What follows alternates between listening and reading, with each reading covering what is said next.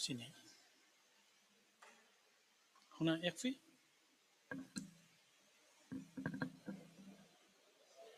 أستغفر.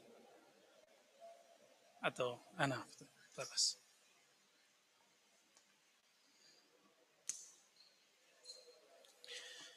استغفر الله العظيم استغفر الله العظيم استغفر استر يا سيدي يا رسول الله استر يا سيدي يا سلام استر يا سيدي. السلام عليكم ورحمة الله وبركاته. الحمد لله رب العالمين. حمدا يوافي نعمه ويكافئ مزيده. أشهد أن لا إله إلا الله. أشهد أن محمدا عبده ورسوله. اللهم صل وسلم وبارك على سيدنا محمد سيد الوجود سيد الأولين والآخرين. وعلى آله وأصحابه ولبيته وذريته أجمعين أما بعد ya, fadal marhaban baik teman-teman yang makan Allah mari kita mulai kajian kita pada sore ini sebagai ikhtitam dulu di tahun ini ya uh, biar kita istirahat sejenak. Insya Allah nanti kita lanjutkan di pertengahan Januari, insya Allah. Kitab yang kita kaji Zubat Khulasati Tasawuf. Sebagaimana teman-teman sudah punya sebagian ya. Sebelumnya kita sudah sampai di muqaddimah mengenai alam. Maka sebelumnya naqra al-Fatihah, kita baca surah al-Fatihah nuhdiha ila sayyidina Muhammad sallallahu alaihi wasallam. Wa sayyidina al-Mahdi khalifatillah wa sayyidina Baliya ibn Mulkan al-Khidir alaihi salam. Wa lil muallif al-Imam عز الدين بأبي السلام وشيخه أبي الحسن الشاذلي وسلطان الأولياء عبد القادر الجيلاني ومحمد شاه نقشبندي وسيدي أحمد تجاني لهم الفاتحة. أعوذ بالله من الشيطان الرجيم. بسم الله الرحمن الرحيم. الرحمن الرحيم. مالك الدين؟ صراط الذين أنعمت عليهم ولا الضالين. آمين. Nggak bisa di depan aja. Terganggu nggak Edo? Depan? Aman? Ya di maju sini aja ada adabnya ke saya. Ya fadal. Ya fadal fadal.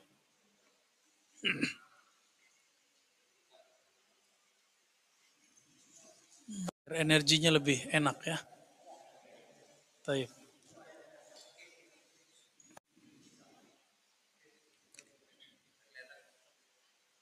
Taib.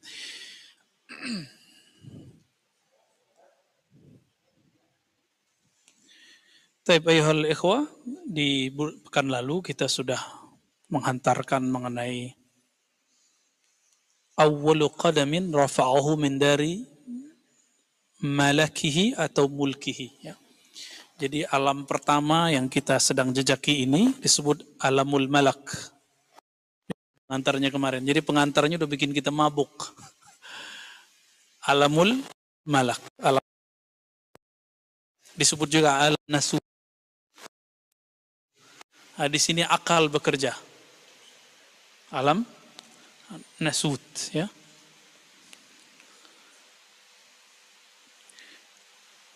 Apabila Allah Subhanahu wa taala Al-Wahib Al-Karim yang maha memberi anugerah dan maha karim berkehendak kepada salik kepada murid naik pangkatlah dia menjadi murad. Masih ingat? Awalnya dia murid, apa arti murid? Orang berkehendak usul ilallah. Hendak sampai kepada hadirat Allah Subhanahu wa taala. Maka dia berjuang untuk meristirahatkan akal akalnya supaya akalnya lebih kuat. Jadi afala ta'qilunnya lebih kuat. Tadinya dia berakal dengan materi, sekarang berakal dengan immateri, yaitu kalbu. Ya. Maka Allah angkatlah dia dari alamul malak, alam syahadah, alam nyata, pindah ke alam malakut. Malakut disebut alam malaikat. Itu sebabnya Sayyidina Ibn Abbas itu Allah izinkan melihat Jibril dua kali. Antum ngeliat kabur.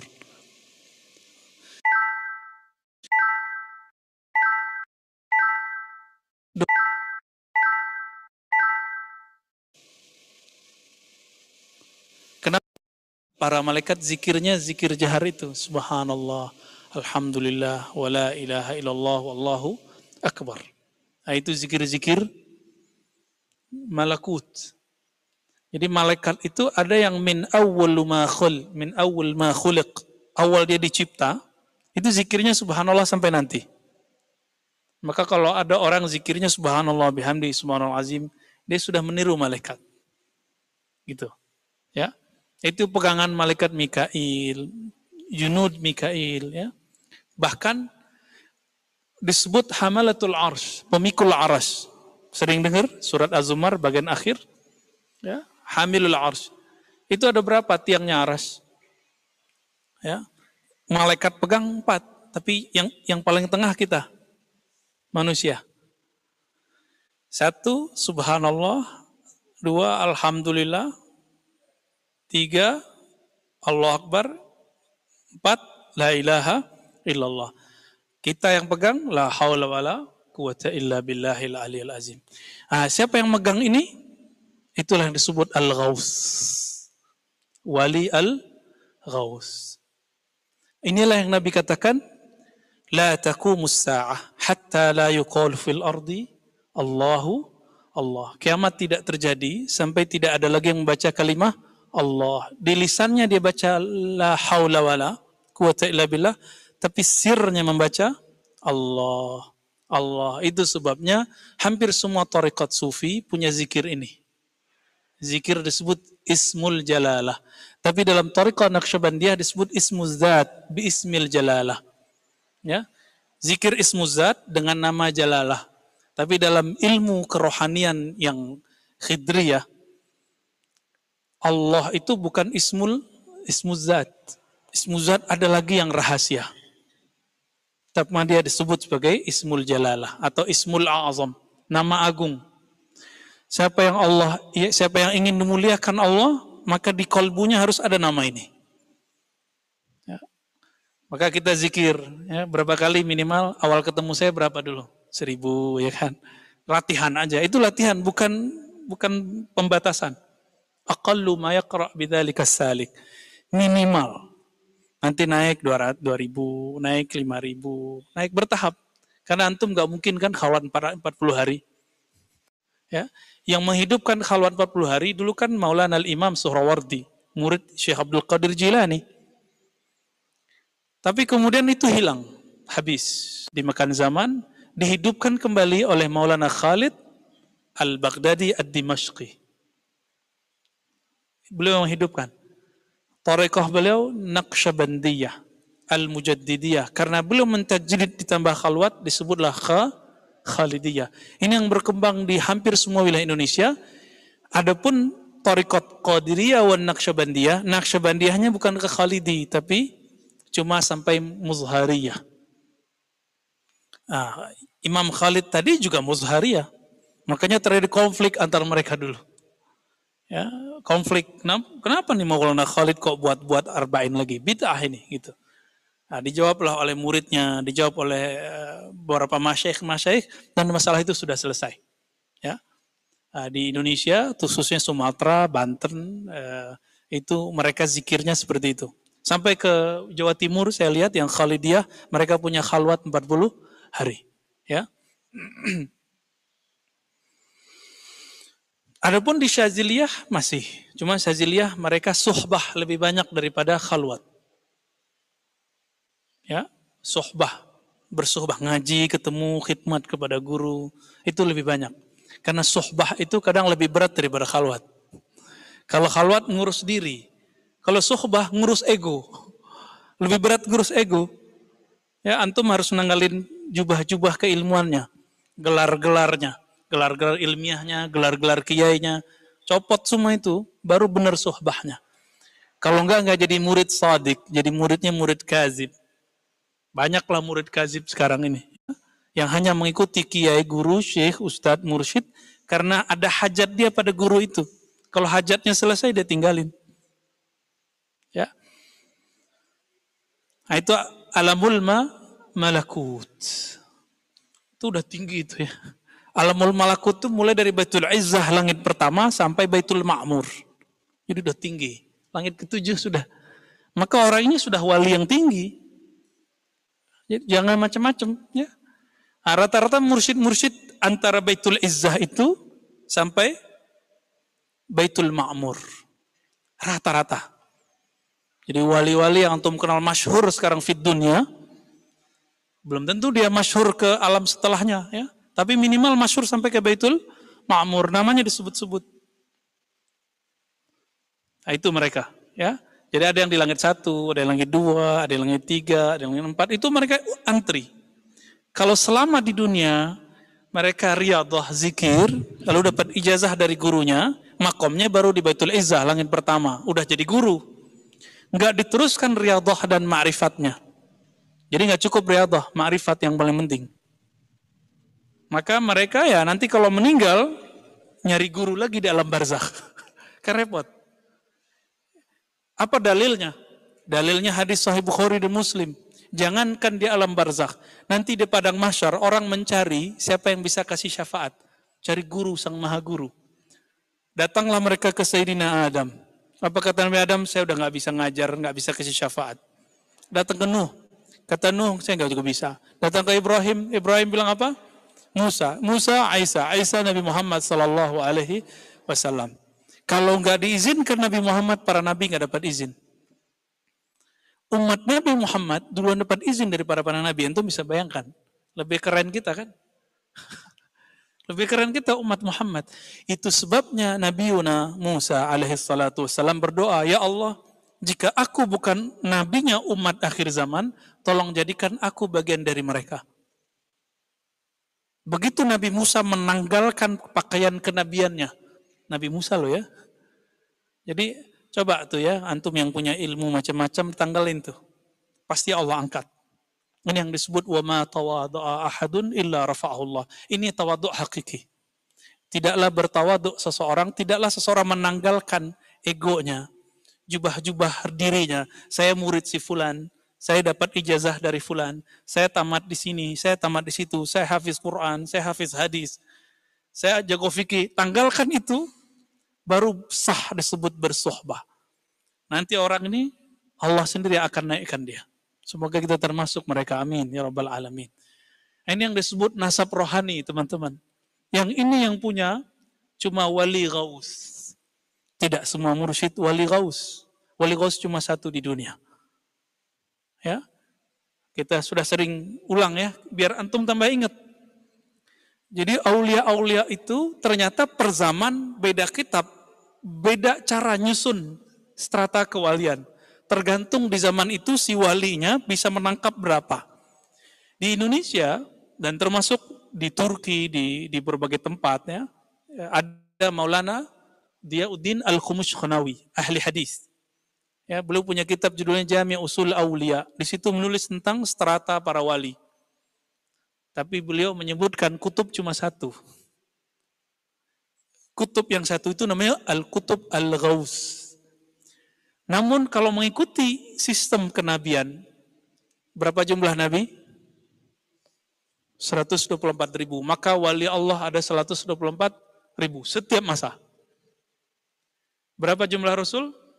yang masyhur 313 313 lalu yang disebutkan di Quran 25 maka jumlah gaus itu cuma 25 setiap jadi dari dulu sampai sekarang dihitung dari zaman Sayyidina Al-Husain sampai sekarang dan penutupnya 25 kalau dihitung-hitung gausnya sudah 24 berarti tinggal satu dong. Maka ini sudah akhir zaman teman-teman. Nanti kalau muncul Al-Ghaus itu, pastikan dia Al-Mahdi. Antum bayat sama dia. Leburkan semua torikot-torikot kita. Namun torikotnya apa? Torikot Mu'tabarah 4000, 40. Leburkan semua bayat kepada beliau. Itu. Kapan itu? Gak lama lagi. Cuma gak lamanya saya gak tahu. Gitu. Itu ilmu Allah Subhanahu wa taala. Sebenarnya kita dikasih tahu sih. Cuma rahasia itu nggak boleh dibuka-buka. Ya, kapannya, di mananya, wallahu alam lah nanti. Takut-takut kita salah kan? Takut-takut yang kita pandang itu salah. Wallahu alam bisawab. Dan itu bukan saya loh ya. Ini bukan muka Habib nih. Dia pasti Habib. Tapi tidak semua Habib teman-teman. Ya, tidak semua Habib. Habibnya pasti yang tidak terkenal, mastur. Kebanyakan gaus itu mastur. Tidak terkenal. Ini rumus nih ya. Gaus itu kebanyakan ya mastur. Siap, beliaulah yang punya ilmu ini yang tadi kita sebut. Bi, jadi cukup ketemu beliau, tasdik sama beliau, antum sudah naik ke alam malakut sudah. Terus naik sampai Betul Makmur. Malaikat Jibril sampai di mana?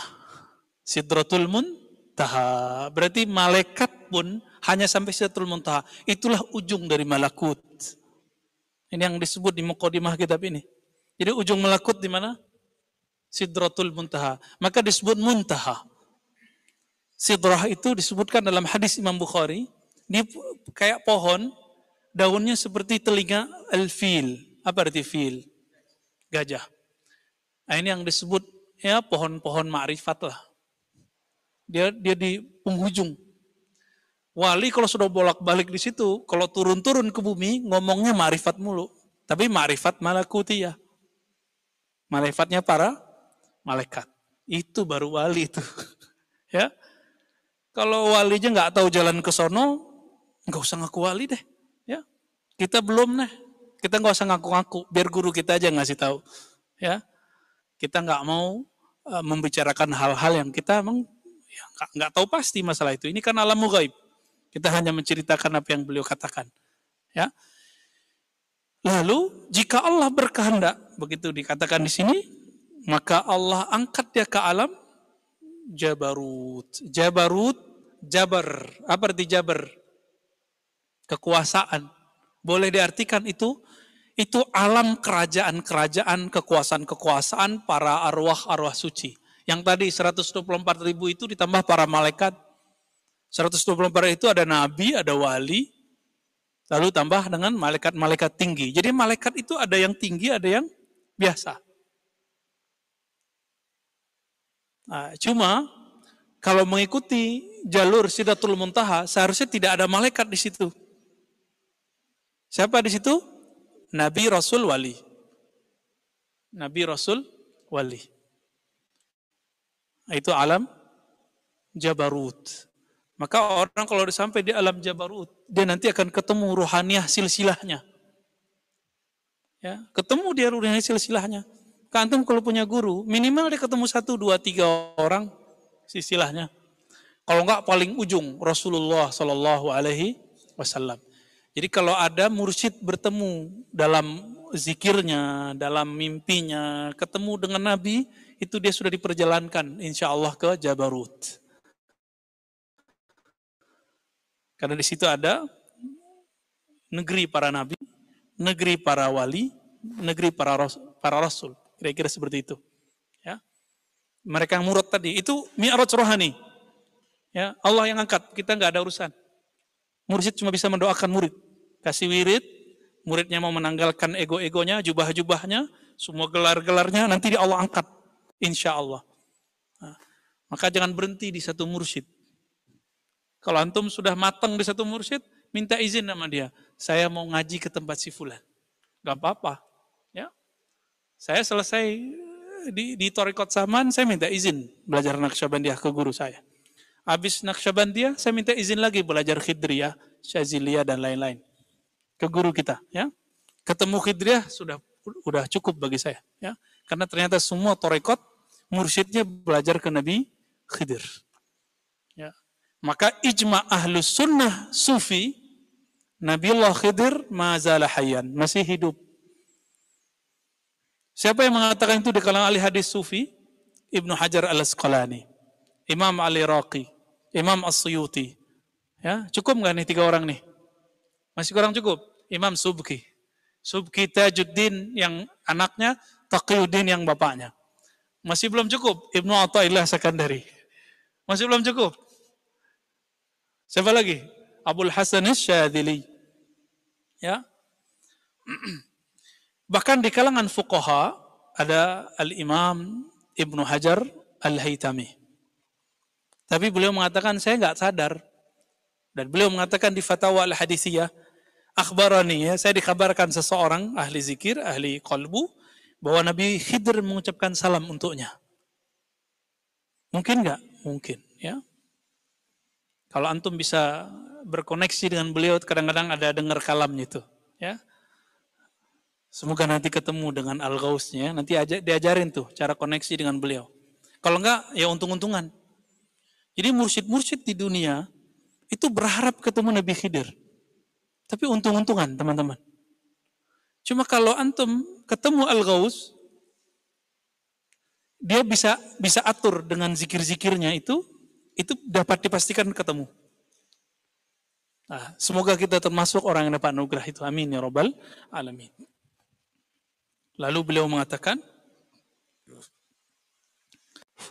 ya orang-orang di alam Jabarut itu nanti dia mencicipi. Di sini disebutkan ya syaraban, ya minuman-minuman Jabarut. Kalau bahasa guru kami di Hidriyah, dia memakan buah-buah Jabarut. Makanya coba lihat, kenapa ada mursyid Abdul Hasan Syazili nurunin wirid hizib apa tadi yang kita baca pada asar hizib bahar ya. Ada al haddad ada al attas siapa lagi? Ada Syekh Abdul Qadir Jilani. Itu mereka nurunin wirid karena mereka mencicipi pohon-pohon dedaunan yang ada di alam Jabarut sesuai dengan teks ini ketika dia turun jika dia ahli kalam ahli ahli mau'izah jadinya kitab jika dia ahli zikir maka dia susunlah Hizib Nawawi, Hizib An-Nur, Hizbul Bahar. Itu. Canggih nggak mereka tuh? Dan mereka dapat izin dari sana langsung dari Rasulullah Sallallahu Alaihi Wasallam. Karena Nabi tidak pernah mati. Dalilnya kita sering sebut. Jadi dalilun ala hayatin Nabi Wasallam fi alamil barzakh ba'da mautih dalil bahwa Nabi masih hidup di alam barzakh setelah meninggal. Apa dalilnya? Dalil salawat. Antum udah hafal kan? Man salla alayya raddallahu alayya ruhi fa'arudda alaihi salam. Hadis ini hasan. Ya. Yuhtajju sahih. Boleh dijadikan hujah seperti hadis sahih. Siapa yang mengucapkan salawat salam kepadaku, maka Allah kembalikan ruhku. Berarti hidup nggak? Hidup. Ya. Lalu aku balaslah salam orang-orang itu. Jadi Nabi hidup di sono. Nah ini jalan pintas kalau mau ke alam Jabaru itu salawat. ya, Itu sebabnya semua yang kita uh, izinkan belajar zikir harus wajib bersolawat. Ya, biasanya saya udah kasih angka-angka tertentu ya. 313, 400, 500, itu sedikit. Masyaikh-masyaikh kita 1000, 10 ribu, itu mah cuma ya, pernapas dia. Jadi jangan bangga dulu antum sudah zikir banyak. Santai aja dulu. ya, santai aja dulu. Kenapa harus bersolawat? Zikir itu panas. Makanya dalam adab zikir Imam Sya'rani di belakang kitabnya itu dikatakan apa? Setelah kita berzikir, dimakruhkan minum air. Kenapa? Zikir itu panas. Kecuali antum bersolawat, antum boleh langsung minum. Gak disebutin di kitab kan? Coba lihat tuh di kitab Imam Sya'rani orang habis zikir itu ada hararah, ada panas dalam badannya. Ngerasain nggak? Dada kadang panas, kadang dingin, kadang panas dingin, kadang melayang, kadang berteriak, kadang terkejut, kadang merinding. Benar nggak? Dan sensasinya asik nggak? Nah, yang sudah mengamalkan zikir itu akan merasakan asik. Ya, alhamdulillah. Antum dah punya dua alam udah ya. udah dua alam itu udah tinggal dinikmati. Udah dikasih perangkat begitu kok nggak dipakai. Ya, udah kita kasih ijazah-ijazah zikir itu tinggal dipakai. Dipakai untuk berlayar ke alam rohani itu. Ya. Baik. Lalu bagaimana cara dia kembali?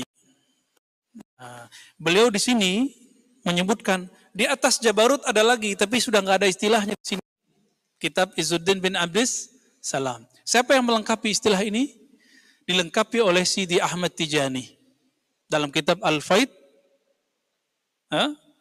Al-Faid Ar-Rabbani ya, mujallad wahid satu jilid baru dicetak oleh Maktabah Kataniyah. Saya sarankan antum yang yang jagoan kitab beli coba cari di Dar Kataniyah itu banyak ya. Terus apa kata beliau? Di atas Jabarut, ada namanya apa? Masih ingat kemarin?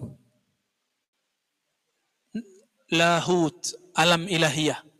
Di situ asma-asma, sifat-sifat itu akan lihat asma-asma ya. Di atas lahut, masih ingat hahut. Berhentilah di situ Sidi Ahmad Tijani. Maka beliau pada Khalifatul Aulia. Beliau khalifah Sidi Abdul Qadir Jilani gelarnya apa? Sultanul Aulia masih lebih tinggi. Sidi Abdul Qadir masih lebih tinggi. Jadi mama Sidi Abdul Qadir Jilani. Ya. Termasuk Syekh Muhammad, uh, Muhammad Bahawi anak Syabandi termasuk. Ya. Abdul Hasan Sazili aja minta izin dulu. Ketika beliau membuat torikot baru, itu minta izin ke Sidi Abdul Qadir Jilani Rohani.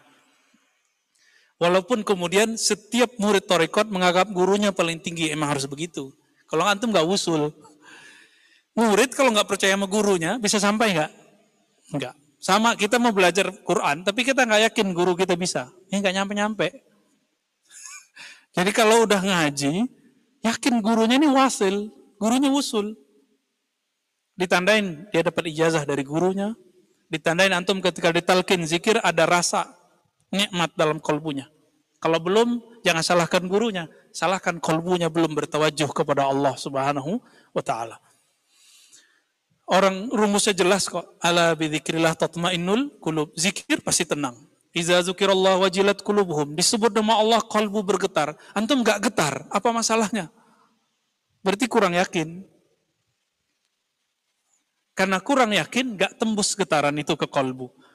Jadi jangan main sembarang-sembarangan aja kita ya. Wah, ini makom gurunya nggak nyampe. Dianya nggak nyampe, gurunya dibilang nggak nyampe. ini bukan masalah umur. Saya punya guru, dia jadi mursyid umur 19 tahun. Sekarang umurnya udah 7 bulan tahun, nanti bisa bayangkan udah berapa lama dia pakai zikir itu. Setiap malam dia nggak bisa, nggak mau tidur kecuali minimal 5 ribu dia khatam, minimal. Belum nanti sebelum subuh dia khatamkan lataif. Belum lagi nanti dia sab'ina apa alfan min tahlil ya 70 ribu zikir la ilaha illallah. Eh, kalau duduk begini kita dia udah ngelihat antum itu udah gak semua tuh isi kolbunya dia. Cuma sampai di kolbu ruh belum kebaca. Ya, ruh itu rahasia al-ghaus. Hanya al-ghaus yang dapat izin. Baik. Setelah hahut apa kemarin? Hahutu alam musyahadah. Ini yang disebut al-ihsan. An ta'budallah ka'annaka tarah. Fa illam takun tarah fa innahu yarak. Ya. Nah, itu itu alam hahut. Ya udah wali besar lah itu. Ya, udah nggak tahu deh namanya apalah. Di atas itu ada lagi, tapi Sidi Ahmad Tijani berhenti di situ bukan berarti roh beliau berhenti di situ, tapi beliau berhenti mengistilahkannya. Karena bukan haknya Sidi Ahmad Tijani menjelaskan makom setelah itu. Nah, yang menjelaskan wali akhir zaman. Ya, apa makom di atasnya. Nah, itu yang sudah kita jelaskan di pekan lalu ya. Semoga kita diizinkan Allah untuk untuk melewati makom itu supaya kita bisa bertakarub kepada Allah Subhanahu wa taala. Apa kata beliau? Falamma sahha bidzikrihi wa sahha min sakrihi. Ketika orang ini sudah sah dia berzikir menyebut nama Allah lalu dia bangun dari sakernya. Jadi orang kalau masuk ke alam itu dia saker. Apa arti saker? Mabuk.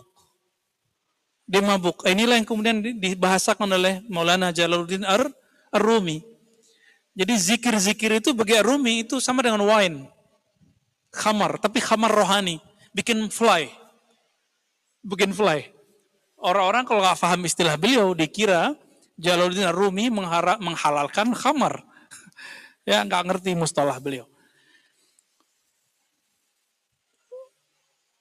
salaha lisanu ashqihil matrub ya wa qultu fi maka orang begini ya barulah dia nanti lisannya ya cocok berbicara tentang masalah-masalah ishq ini yang kita sebut kerinduan ma'rifatullah ah. wa qultu fi dhalik nah, lalu beliau ada syair di sini teman-teman ada satu ayat ayat itu dijelaskan dalam syair ini fazkuruni azkurkum. Fazkuruni azkurkum. Sebut aku, aku sebut engkau. Allah qadim atau hadis? Qadim. Apa arti qadim? La yasbiquhu adam. Yang tidak pernah tidak ada. Oke? Okay? Berarti tidak pernah terbayang Allah tidak ada. Allah berubah-ubah nggak? Dulu diam, sekarang ngomong. Enggak. Allah itu stabil. Karena alama alahikan. Dia dulu begitu ya, sekarang begitu. Taib. Ketika disebut fadkuruni, sebutlah aku, zikirlah kepadaku. Fazkuruni azkurkum, aku sebut engkau. Duluan kita yang nyebut atau Allah yang nyebut? secara ayat nih. Secara ayat harfiahnya apa? Kita yang dulu nyebut. Lalu Allah membalas, kan begitu? Ini yang disebut tasbih, menyerupakan Allah dengan makhluk. Hati-hati, ini kena nih akidahnya.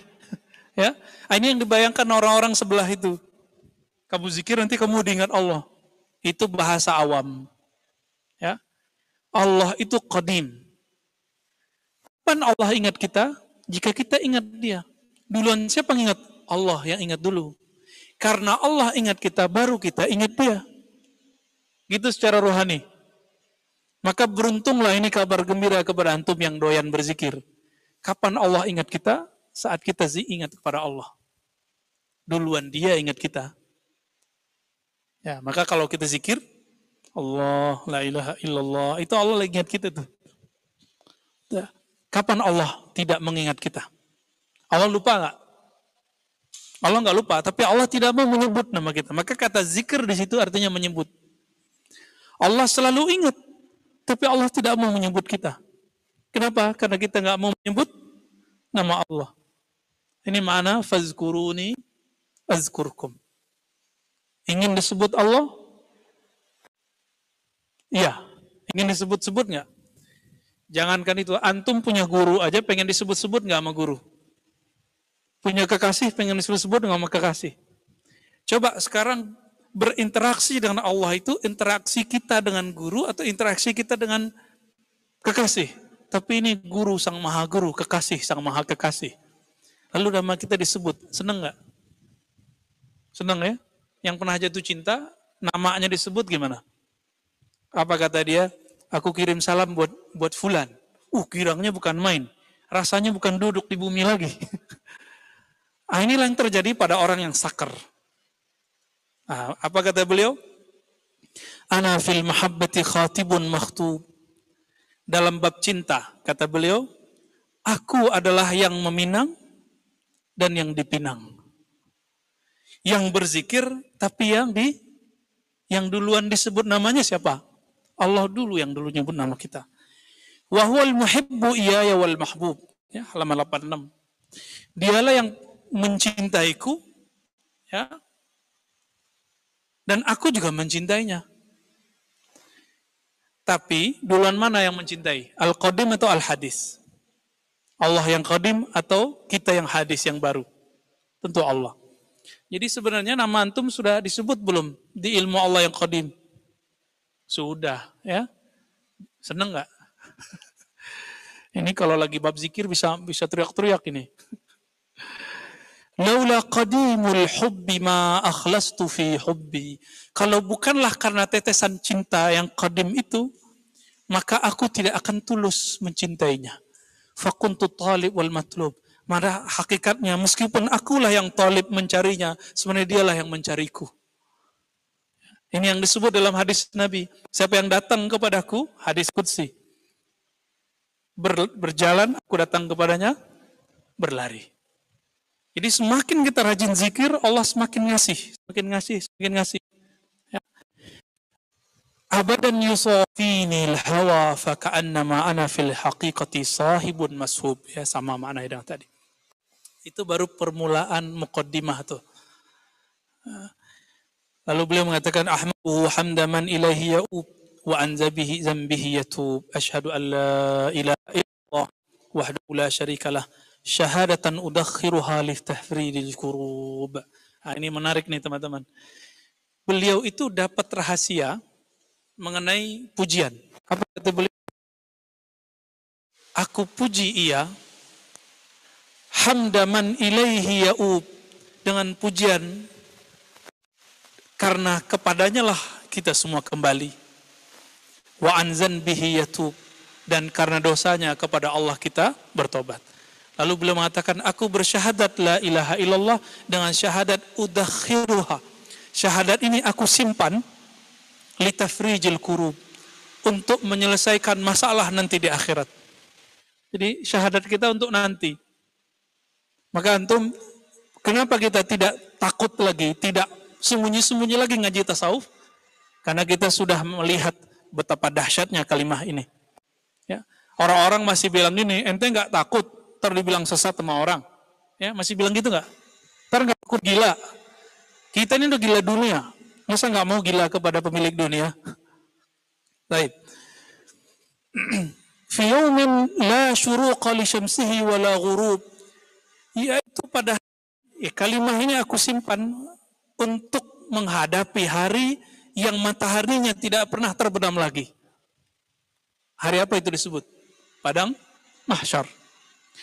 وأشهد أن محمدا عبده ورسوله الذي اختاره من بين الآنام خير محبوب وجعل حبه على خلقة مفترضا غير ممدوب وصلى الله عليه وعلى آله وأصحابه صلاة دائمة لا يوم وعده غير مكذوب طيب jadi ini baru pengantar teman-teman. Jadi pengantarnya sudah bikin kita ya mabok. Udah mulai masuk ke alam inti. Jadi pengantarnya ini, ini sudah selesai sebenarnya kitab ini udah. Karena dia sudah bicara tentang alam malak, alam jabarut, alam alam malakut jabarut. Udah selesai semua.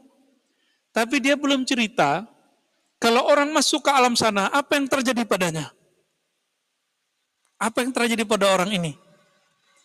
Nah, jika ada seorang imam seperti Abu Yazid masuk ke alam yang tadi, setelah masuk ke Hahut, masuk ke Bah, sampai kepada Ahud Ahadiyah Allah.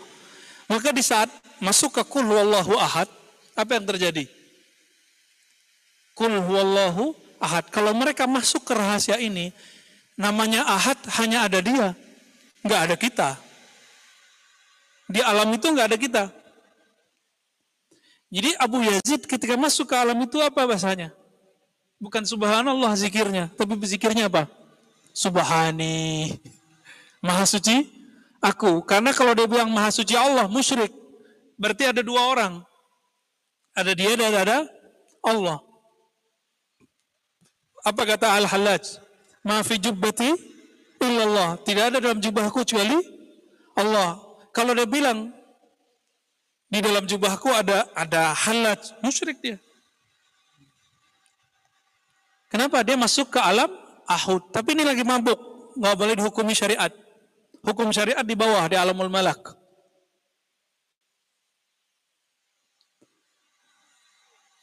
Jadi faham kenapa ada orang zikir begitu?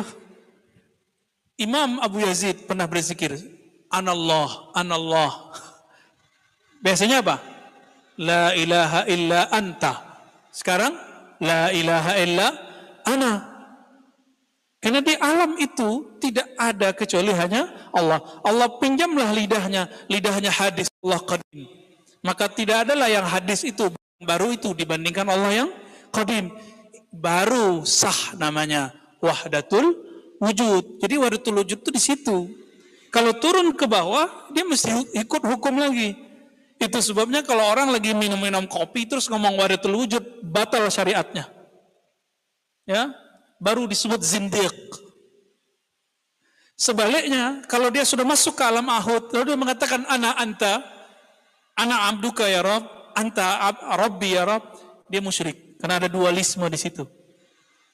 Padahal hanya ada satu wajibul wujud. Faham maksudnya?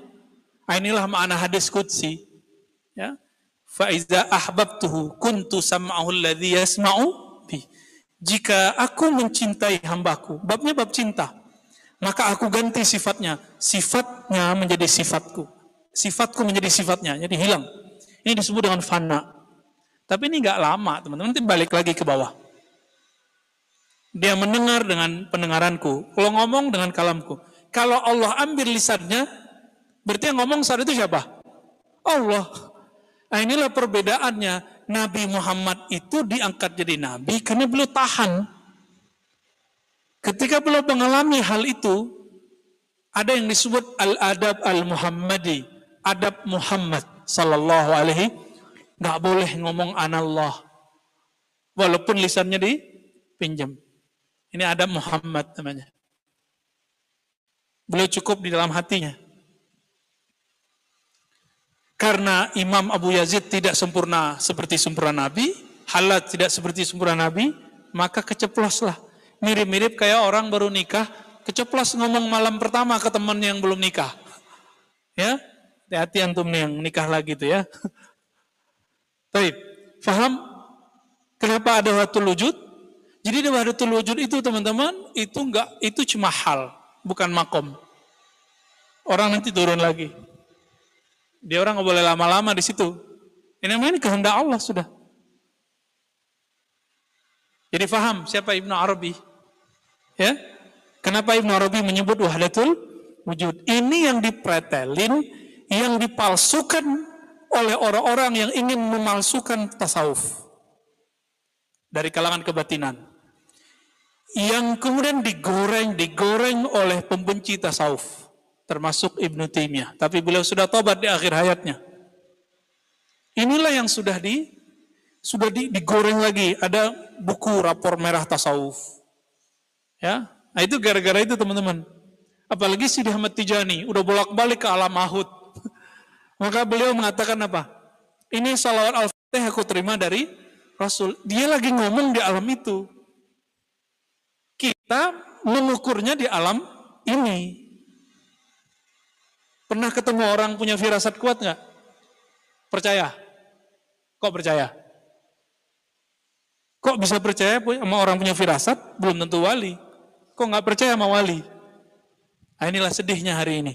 Ya, nah, yang paling sering di, dibully di kalangan eh, orang-orang yang anti tasawuf sekarang, ya mereka-mereka ini Halaj, Ibn Arabi, Ahmad Tijani.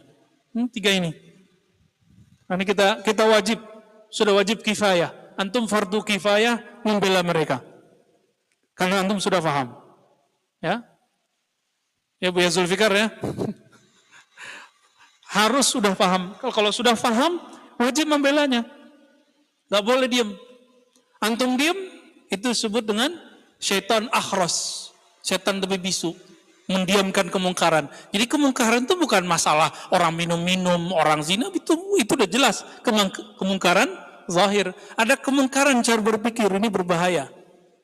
Akut kalau sudah masuk ke sana. Dan banyak orang terjebak di sini. Nah, kita wajib Kenapa kita kemudian buat ribat nurnia? Kenapa kemudian kita buat kajian di di Rumi Center? Karena kita ingin membangkitkan itu. Ya, kita nggak ingin membangkitkan orang-orang mabuk seperti Abu Yazid, bukan. nah, itulah yang cerita. Tiba-tiba kalam Ibnu Arabi dipretelin nama mahasiswa. Apa kata mahasiswa? Ibnu Arabi berkata, aku melihat wajah Allah pada cantiknya perempuan. Ya modus dia. Ya. Sambil ngopi-ngopi terus ngeliat cewek cantik dia belum melihat Allah. Ibn Arabi lagi berbicara di makom yang tadi. Ini yang minum-minum kopi ini di mana makomnya dia? Nongkrong-nongkrong di kafe terus mending kafe Rumi, ada zikirnya. ini kurang doanya kayaknya nih ya. Ya. Taib. Nah, maka beliau menyebutkan di halaman 86, teman-teman, ini saya ringkas nanti ya. fa innahu ya wa ba'du fa innahu lamma kanatil ma'ani jawahira. Maka kata beliau tatkala makna-makna itu ibarat jawahir apa arti jawahir jawahir? Permata. Wal alfaz asnafuha wal hikamu ma'adinu wal qulubu ahdafuha. Ya lafaz-lafaz itu kemudian menerjemahkannya hikmah-hikmah itu menjadi tambangnya. Kolbu itu menjadi tujuannya. Wajib alaman futihat al-yaqzah aina basiratihi wajallat al-mau'izatu mir'atu sariratihi ayyattabi'a min ajallil kalami ma'ani.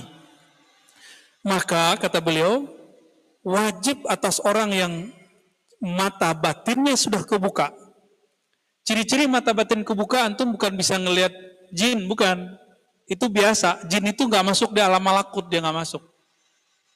Jin itu masih alam khayali hissi. Khayali hissi. Sedangkan permuka, permual, pemulaan dari alam malakut tadi disebut khayali hakiki. Khayali yang hakikat. Nah, jin, indigo, dukun-dukun, nah itu masuknya ke mana tuh? Khayali hissi. Jadi dia masuk ke alam itu mereka para dukun-dukun itu atau para mursyid-mursyid yang uskun, ustadz tapi dukun, mengira udah ketemu Allah di situ.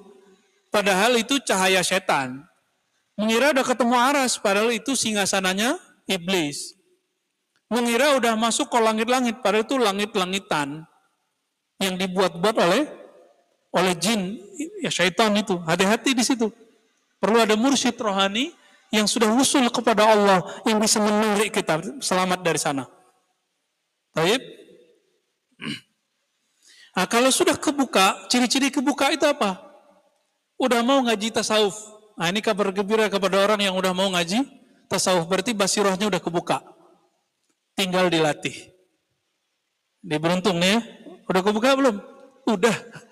Sebanyak itu orang-orang sibuk dengan apa pun hari ini. Antum coba lihat ya Orang sibuk dengan handphone hari ini berapa bisa berapa jam? Itu basirahnya ketutup itu. Kecuali dia di, di situ ngaji, ngaji ilmu kolbu. Tapi kalau di di sini paling-paling ngajinya ngaji kebatinan. Yang ditonton nanti ustadz pemburu pemburu itu tuh apa? Penyihir tuh. Bisa disebut namanya. Itu kan belum ketemu tukang santet aja tuh. Ketemu tukang santet pakai napasnya mati deh. Ya, jangan hobi yang nonton-nonton gitu, gak usah. Dan ketemunya ketemu ahli teluh sama rukyah-rukyah biasa. Kalau orang teluh itu pakai sebagai media. Media ayam, media apa ya. Kalau santet kan enggak. Dia punya punya khodam yang bisa melihat antum itu kapan lupa zikir. Antum lupa zikir, tembus dia. Nah, ini kan nauzubillah midalik. Makanya kita punya zikir namanya zikir la ilah nafi isbat dengan teknik nafas. Semoga Allah nanti jaga itu kalau orang sudah dapat zikir ini. Tapi sebelum ke sana zikir kolbu dulu. Ya, digeber dulu kolbunya dengan nama Allah. Baru mantap nanti zikir nafasnya. Nah, kenapa di luar sana banyak ilmu pernafasan, tapi nanti de deketnya sama siapa? Sama khadam-khadam sufli, jin-jin rendahan. Ya, ketemu ini, ngerasain aura, wah aura siapa ya? aura kasih. Itu kita nggak perlu ilmu-ilmu kita kita nggak perlu. Itu hijab semua itu. Ya, ya dia terengah. Ya karena dia sudah punya persepsi di sini, dia kira nih Ustadz nih auranya begini nih. Antum coba lihat auranya teman tuh. Karena bajunya warna biru, dibilang oh warnanya biru. Cocok logi ya. Ilmu tebak tebak logi, tebak-tebakan. Nah, kita lanjut di baris berikutnya. Wa inni ra'aitu kaitsar min al-alfaz qad irtabaka fi aghmadhiha katsirun min ahli al-i'tirad.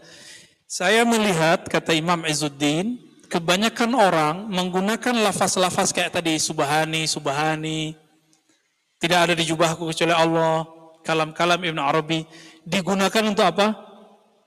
Untuk i'tirad, untuk mengingkari ilmu kesufian. Begitu nggak sekarang? Antum tahu ustadz yang bilang sufi zindik? Yang dia pakai standarnya apa? Ya kalam-kalam halaj itu. Yang dia pakai standarnya malamatiyah. Malamatiyah ini kan orang mabuk, nggak boleh dihukumi dengan hukum syariat.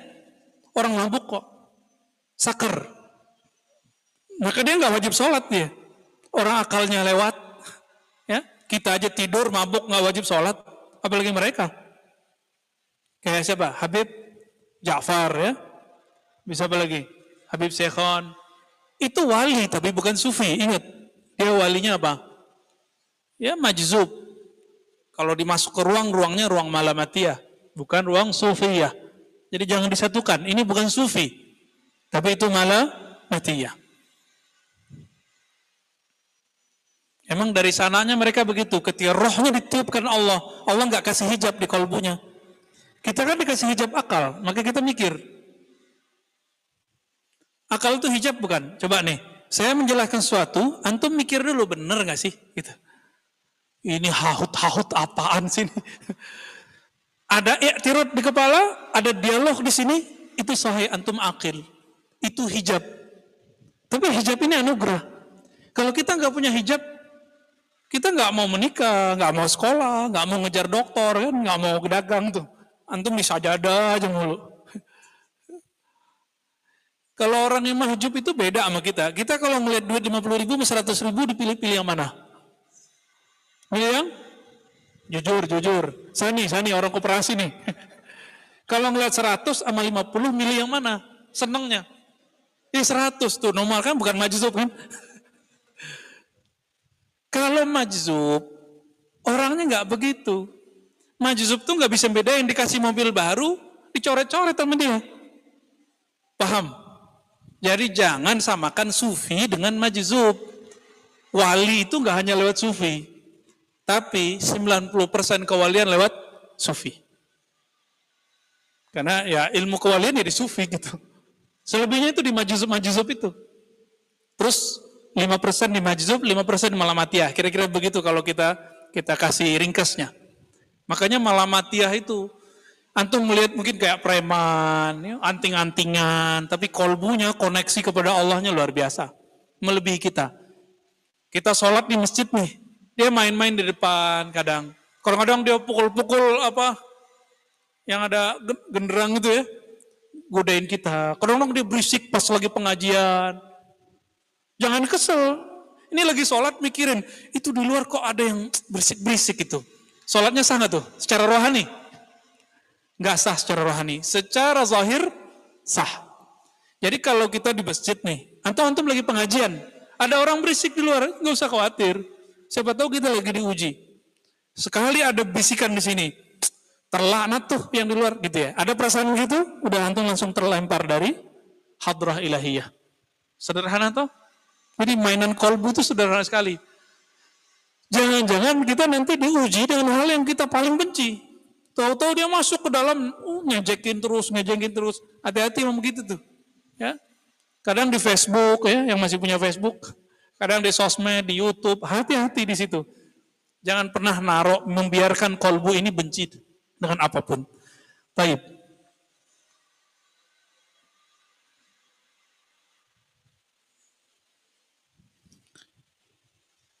Nah, apa kata beliau? Faminhum. Nah, ini yang terjadi di, di beberapa buku Saudi itu. Antum tahu nggak judulnya, Buya Zulfikar? Yang itu loh, raport merah tasawuf. Bahasa Arabnya apa? Lupa aneh. Ya ada dua tuh. Di Kuwait sama di, di Saudi sudah dua keluar. Dia membantah tasawuf. Dia ambil kalam-kalam sufi dulu dia pretelin dengan makna yang dia mau.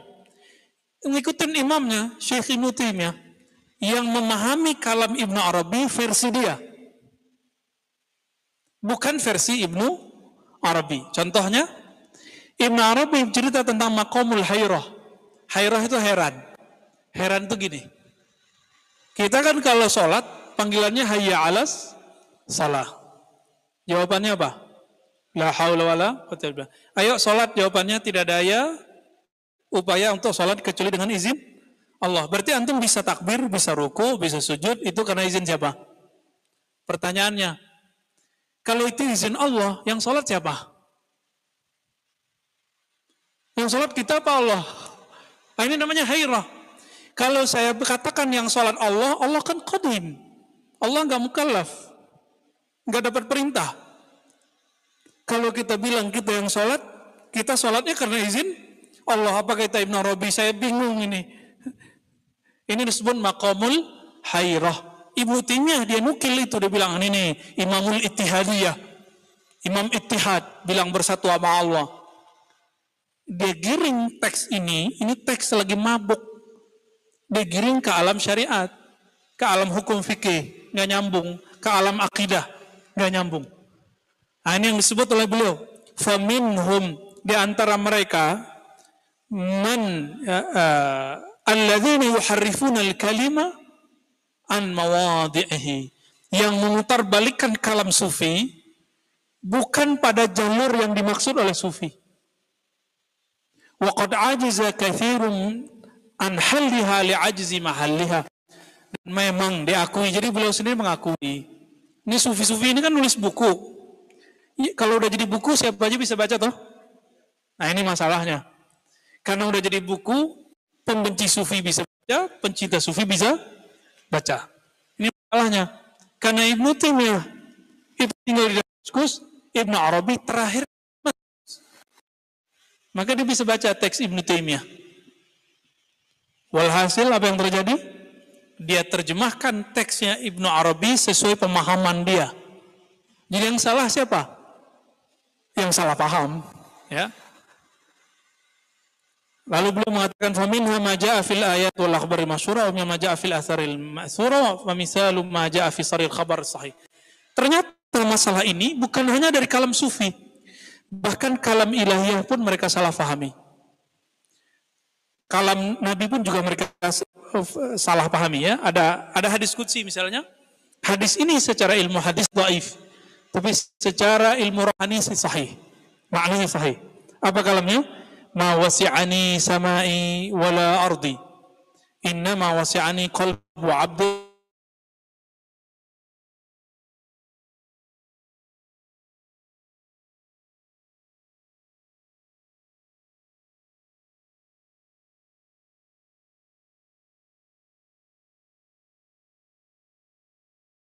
amanah tajalli.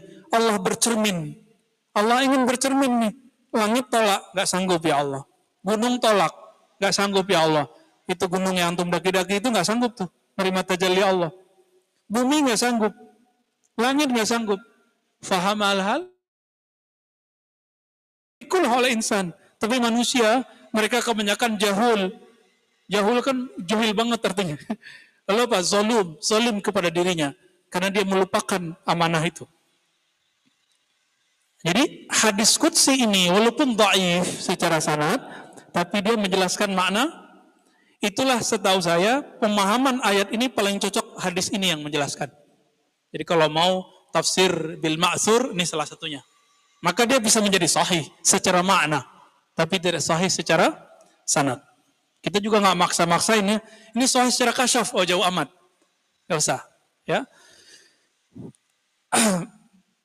ومنها لا يزال عبدي يتقرب إلي بالنوافل حتى أحبه فإذا أحببته كنت سمعه كنت له سمعا وبصرا ya nah, ini yang kita baca tadi ini juga sering disalahfahami ya apabila hambaku mendekatkan diri dengan nawafil nawafil itu yang kita sebut wirid zikir khalwat tarekat nah itu dia kita maksud nawafil dan inilah rahasia kenapa torekot itu banyak. Karena Allah menulisnya nawafil. Nawafil jama atau mufrad? Jama. Mufradnya nafilah. Nafilah artinya apa? Amalan sunat. Tuh. Zikir la ilaha illallah 165, 100 kali, 1000 kali, 70 ribu kali. Sunat atau wajib? Sunat. Nafilah bukan? Menyebut ismul jalalah Allah, ya Allah, wajib atau sunat? Sebenarnya istilahnya mandub ya. Mandub dianjurkan. Tapi kalau orang istiqomah di situ, hatta uhibbahu. Ya, sehingga aku jatuh cinta kepadanya. Kalau sudah jatuh cinta, orang kalau sudah cinta gimana? Dia maunya yang dicintainya itu ngikutin apa yang dia mau, benar nggak? Nah itu baru benar tuh. Sama, Allah itu juga mesra sama kita. Maka Allah pun mengalah dengan kehendak kita. Kalau sudah begitu, baru kalau dia ngomong, kunnya fayakun. Itu makomnya makom ini, teman-teman. Makom apa tuh? Makom ketika diganti sifatnya. Kalau asma belum. Itu sebabnya orang yang jago zikir, dia baru jago berdoa. Tapi kalau yang sudah diganti sifatnya oleh Allah, apa pun terbersit di kalbunya, jadi. Itulah Rasulullah, itulah Ahlul Badar, itulah para kutub, itulah para abdal, wali-wali Allah yang tinggi. Nah, kalau kita bisa biasanya dikasih ahwal. Antum dikasih makom, ahwal paling-paling. Kadang-kadang suatu saat lagi kepepet, hatinya berbicara, kejadian. Saat itu dipinjam kolbunya jadi kun, lumayan jalan-jalan sesekali. Kalah. Itu alam rohani itu. Di mana dia? Di dalam diri kita nggak? Jadi sebenarnya alam-alam tadi itu ditemuinya di dalam diri sendiri. Wa fi anfusikum afala tubsirun ya. Nah, maka dalam beberapa riwayat kita beliau ada fuad, ada lisan, ada yat. Nah, kalau ada lisan itu yang sebut kun tadi. Terus ada hadis yang sahih. Ana jalisun man Aku adalah Jalis, apa arti jalis?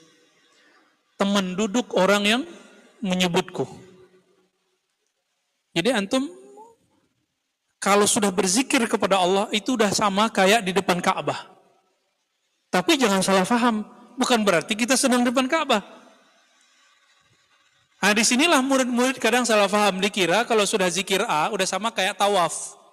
Inilah kesalahan beberapa murid-murid yang meriwayatkan kalam Sidi Ahmad Tijani. Ya, Sidi Ahmad Tijani ngomong, solawat ini sama dengan begini-begini. Ya, tapi sama itu bukan berarti benar-benar di sana gitu. Taib. Begitu juga hadis ya, hadis qudsi man taqarraba minni shibran taqarrabtu minhu zira'an. Nah, kemudian ada wahwa ma'akum ainama kuntum. Ya, ini disebut dengan lafzul ma'iyyah. Ada hadis tajiduni indal munkasirati kulub indal munkasirati kulubuhum min ajli. Kamu akan menemukan aku di sisi orang yang kalbunya munkasirah. Apa arti munkasirah? Pecah secara harfiah. Maksudnya gini, kalau ada orang kena musibah lalu kepepet, itu hatinya gimana? Lagi galau atau stabil? Galau. Di saat itu dia minta kepada Allah itu kalbunya munkasirah. Sufi itu kalbunya tiap hari munkasirah. Itu bedanya sama, jadi tidak semua orang tarekat itu sufi. Kayak kita-kita ini belum berhak disebut sufi. Ya,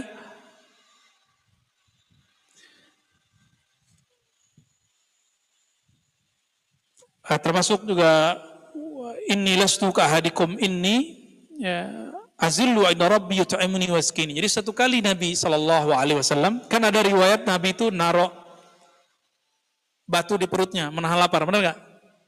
Tapi Nabi mengatakan di waktu yang lain ketika sahabatnya tidak makan, beliau kasih kepada sahabat. Lalu Aisyah bertanya, "Wahai Rasulullah, bagaimana dengan engkau?" Jawaban Nabi, "Aku diberi minum oleh Allah dan diberi makan di sisi Allah." Itu makan apa tuh? Ah itu yang sudah antum cobain tuh ya, zikir la ilaha illallah, kenyang. Ada teman kita zikir Allah samad, Allah samad kenyang dia. Nggak nafsu lagi mau makan. Tapi kalau tiap hari begitu kan repot juga. ya, nggak mau kerja ntar ya. Nah, jadi kenapa Allah kasih kita lapar supaya kita mau kerja? Baik. Adapun dalam asarnya ulama-ulama ya, tadi yang kita baca ya, Mafi jubati ilallah ya. Subhani subhani ma'az masyani dan lain-lainnya. Maka teman-teman dimulakan Allah, jadi kitab ini tujuannya apa? Untuk menjelaskan kalam-kalam yang tadi. Bahwa kalau orang sudah sampai tembus, cuma beliau nggak tahu istilahnya. Di zaman itu belum ada ulama yang mengistilahkan sampai ke makam ahud itu ya, alam ahud. Belum ada. Hatta Ibn Arabi belum pernah. Ibn Arabi cuma bilang ahadiyah, ahadiyatihi ke hadiahnya Allah Subhanahu wa taala. Baik.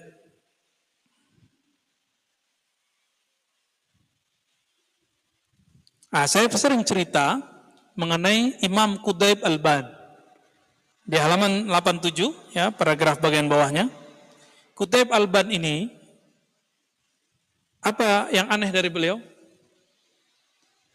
Kudaib Alban murid Sidi Abdul Qadir Jilani. Kudaib Alban. Dialah yang diperintahkan oleh Syekh Abdul Qadir Jilani untuk membimbing Salahuddin Al-Ayubi. Jadi Salahuddin Al-Ayubi siapa mursyidnya? Syekh Abdul Qadir, kemudian disuruh Kudaib Al Siapa Kudaib Al-Ban? Ini beda dengan Muhammad Al-Fatih, gurunya Syekh Samsuddin. Samsuddin ini sufi. Sedangkan Kudaib Al-Ban, dia malamatiyah. Nanti cek ya, cari di terjemahnya. Mungkin nanti Ustadz Ali bisa nyari nih. Siapa nih Kudaib Al-Ban? Nah, Kudaib Al-Ban ini Ketika sampai di satu kota di Irak namanya Mosul. Mosul apa Mosul? Mosul ya. ya. Di Irak. Sampai di sana orang-orang lagi mau ke masjid. Beliau di depan masjid. Ketika orang sholat, beliau nggak sholat. Beliau gangguin orang sholat. Kayak yang kita ceritain tadi.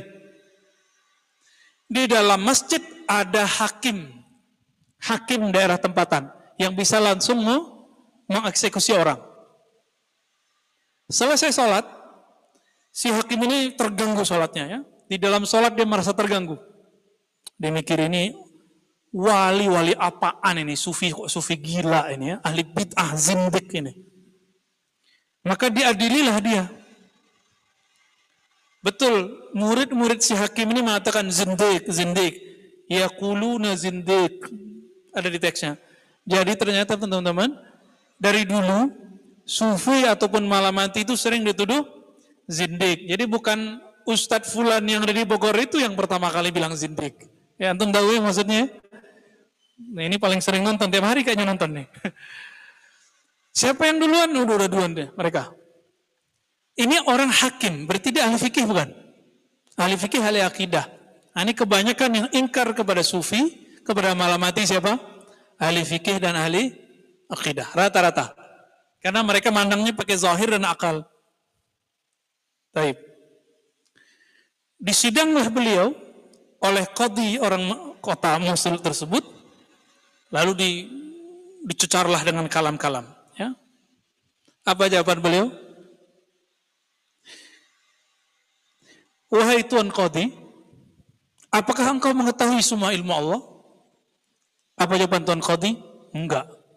Saya tidak mengetahui semua ilmu Allah. Masuk barangnya ya. Apa kata beliau? Kata Qutb Balban. Ana alladhi ya, la ta'lamuhu anta. Akulah ilmu yang dulu kamu nggak tahu itu. Akulah ilmu yang kamu sekarang nggak mengerti itu. Bengong kotinya. Nah, ini yang disebut apa? malamatiyah. Kalau di teks ini apa? La wallahi. Ya. Kata si Qadi. Jawaban Kudaib. Fa'ana min dhalika al-'ilmu alladhi la ta'lamuhu wa ma'alika 'alayka in kunta siddiqan aw zindiqan. Sayalah ilmu yang kamu tidak tahu itu. Ilmu yang kamu nggak tahu ada dalam kolbuku. Lalu urusannya apa kamu bilang aku zindik atau siddiq? Bungung si Kodi. Dilepasin habis itu. Nah ini yang disebut mala matia. Mala matia dia waras teman-teman. Dia waras. Tapi dia punya tugas. Tugasnya apa? Nguji orang-orang waras.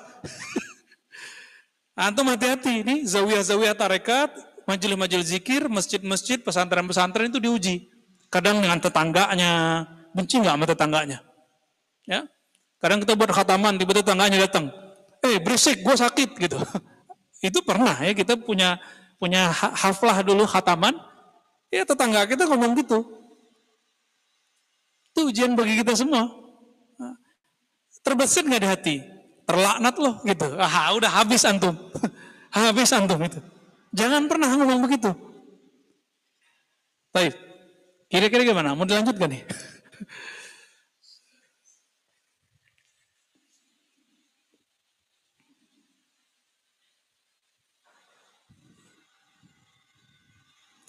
Nah, kalam-kalam seperti ini, ada yang menerimanya dengan inkar, ada yang menerimanya dengan kolbun salim. Ke kolbu itu di kitab-kitab cuma dibagi tiga. Kolbun marid, kolbun mayit, kolbun salim. Kolbu yang sakit. Ini ciri-cirinya sholat nggak khusyuk, nggak enak. Kolbunnya marid tuh. Tapi masih mau ngaji, berarti dia flu kolbunya. Flu aja. Zikir, apalagi ini di, di Rumi Center ada khataman. Zikir tapi merasa ini lama amat gitu ya. Coba teman-teman nanti ngomong gitu nggak, Pak Musin? Gimana Bang Edo? Gitu nggak? Jangan-jangan antum yang ngomong gitu. ya. Antum bilang, ini kayak soalnya lama amat gitu ya. Ada perasaan gitu, kolbunya lagi marid. Kolbunya lagi marid. Kolbu itu senangnya makan kalimah nama Allah. Kita kasih makanan itu muntah, berarti ada yang nggak benar di perutnya. Coba kalau anak kita, ini anak saya kan lagi demam nih, Hisham. Kita kasih makanan enak muntah. Enak muntah, enak muntah. Ternyata badannya lagi panas. Habis hujan-hujan. Antum kena hujan-hujan apa itu? Hujan dunia kali ya. Nah, itu yang bikin kita muntah kalau zikirullah. Panasan. Tuh yang yang ngerasa, kok kalau datang ke majelis zikir itu saya kepanasan ya? Nggak nyaman. Kayak ada suara-suara nggak enak gitu. Itu ada nggak bener tuh. Ada antum nyimpan sesuatu yang nggak bener atau pikirannya macam-macam. Kita bisa bertengkar loh pikiran sendiri, tiba-tiba keringetan sendiri. AC-nya kenceng, kipas anginnya mantap, tapi kita masih keringetan. Itu gara-gara itu ya, karena masalah tadi. Nah, itu kolbun marid. Saya mau tanya, antum kalau sakit datang ke dokter nggak? Kalau ada orang sakit nggak datang ke dokter, dia bilang tunggu aja Allah yang nyembuhin. Itu waras nggak? Itu tawakul atau kasul? Orang tawakal atau lagi orang males? Atau nggak punya duit? Yang benar gimana kalau sakit? Wajib ke dokter atau sunat? Hukum berobat tuh. Sakit, antum sakit berobat hukumnya wajib atau bukan? Wajib kan perintahnya jelas. Tadawa wa ibadallah. Berobatlah wahai hamba Allah. Lalu ada orang sakit nggak mau berobat. Berarti dia nggak tahu kewajibannya. Ini yang disebut zolum. Yang disebut dalam surah Al-Qasas tadi. Benar Al-Qasas ya? ya? Dia zolim sama dirinya. Baik. kalau kolbun salim ditandai kalau zikir nyaman. Al-Ahzab ya, akhir surat Al-Ahzab. Inna aradnal amanat. Ya. Kami tawarkan amanah kepada langit bumi semuanya, mereka abaina, mereka enggan, lalu dipikullah oleh manusia. Surat Al-Ahzab ya, 88 ya. 7 72. Taib. Teman-teman yang melakukan Allah, kalau kalbun salim, ini kalbu orang yang mukmin muttaqin. Ini awal kalbunya Nabi Ibrahim. Jadi Nabi Ibrahim awal kalbunya udah begitu. Nabi Ibrahim tidak pernah kolbunya sakit, tidak pernah kolbunya mati. Awal kolbunya beliau salim. Ah, salim ini nanti ada tingkatannya ke atas. Di lain waktu nanti kita jelaskan. Masih ada lagi di atas. Di kitab-kitab cuma tiga. Tapi kalau oleh wali-wali Allah akhir zaman itu mereka jelasin itu. Ada lagi di atasnya. Ya, sama kayak martabat tujuh. Dia kan cuma sampai insan kamil. Tapi kalau wali akhir zaman, dia ada terusannya tuh. Sampai sepuluh bahkan 11. Baik.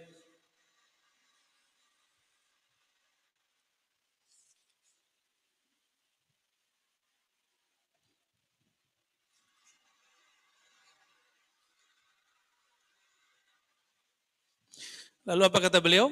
Falamma ra'aitu hazil aqwal halaman 88 maka tatkala aku melihat akwal-akwal ini sadirah yang datang dari ahlil ahwal. Jadi kalam ini kalam ahlil ahwal. Apa arti ahwal? Orang yang dapat ya, majzub. Jadi ahwal itu dari Allah, makom itu hasil riadah. Ahwal itu Allah yang ngasih kita. Sedangkan makom kita yang berusaha dengan izin Allah, Allah taruh di sana, dikasih hadiah. Maka ahwal yang sudah ditetapkan disebut makom. Ya, kita berusaha terus biar menunggu ahwal itu. kalau ahwalnya sudah selalu turun bersebut orangnya bermakom. Ashkala 'alal afham ta'lilaha. Ashkala 'alal afham ta'liluha. Wa 'anil awham ta'wiluha. Ahbabtu an ashrahu an ashraha minhu man syaraha lahu sadri wa sanaha bihi fikri wa balagha ilahi qadri. Maka aku berusaha karena ini susah dipahami untuk mensyarahnya semampu diriku sendiri ya, seluas kolbuku, selu, semampu fikrahku, sesanggup kudrahku. Wa zakartu fi minal ibarat ma laysa fihi isti'arah ya wa qaddamtu zikra hadhil ahadis wa ma ma'ah min alfazil ma'surah anir rijal ya. Lalu beliau datangkanlah teks-teks tadi nanti diurai. Jadi kitab ini enaknya diambil satu kalam diurai, satu kalam diurai, satu kalam diurai. Nah, itu nanti enaknya. Dan beliau katakan aku sama namakan kitab ini dengan Halur Rumus wa Mafatihul Kunuz. Nah, yang diringkas atau disebut namanya oleh muhakkik dengan Zubat Khulasatid Tasawuf. Kaif? Bila kaif? Taib, ada pertanyaan enggak? Visual? Nah, tuh ada nanya kan?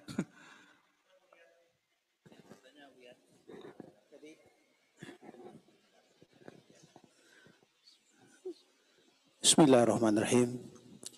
Izin bertanya Buya. Tadi Buya menyampaikan dan menerangkan kepada kami bahwa kita ini kan wajib berwirid dan wajib bertarikah. Ada tadi istilah Buya, wajib kita berwirid atau melaksanakan wirid dan bertarikah tadi Buya. Hmm. Dimohon penjelasan Buya dua kata ini Buya. Demikian berwirid. dulu pertanyaan. Ya, berwirid dan bertorikah tadi Bu ya. Biar mantap Bu ya. ya. Taib, taib. Terima kasih Bu ya. Kalau kita belajar hukum yang zahir disebut bersyariat. Sebenarnya semua itu syariat. Ada syariatnya zahir, kita sebut syariat. Ada syariat menjalankan isi perintah hukum itu disebut dengan tarikat. Lalu ada faham yang muncul ketika kita belajar dan mengamalkan syariat itu namanya hakikat. Faham itu membuahkan sebuah pengetahuan rohani dinamakan dengan ma'rifat. Semua itu syariat. Disebut syariat toriko, syariat hakikat, syariat ma'rifah. Tapi karena istilah ini sudah baku, maka tidak masalah.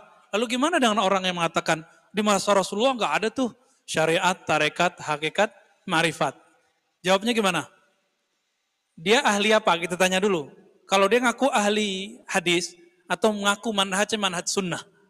Nah, dia ustadz sunnah nih. Ya udah, kita tanya lagi.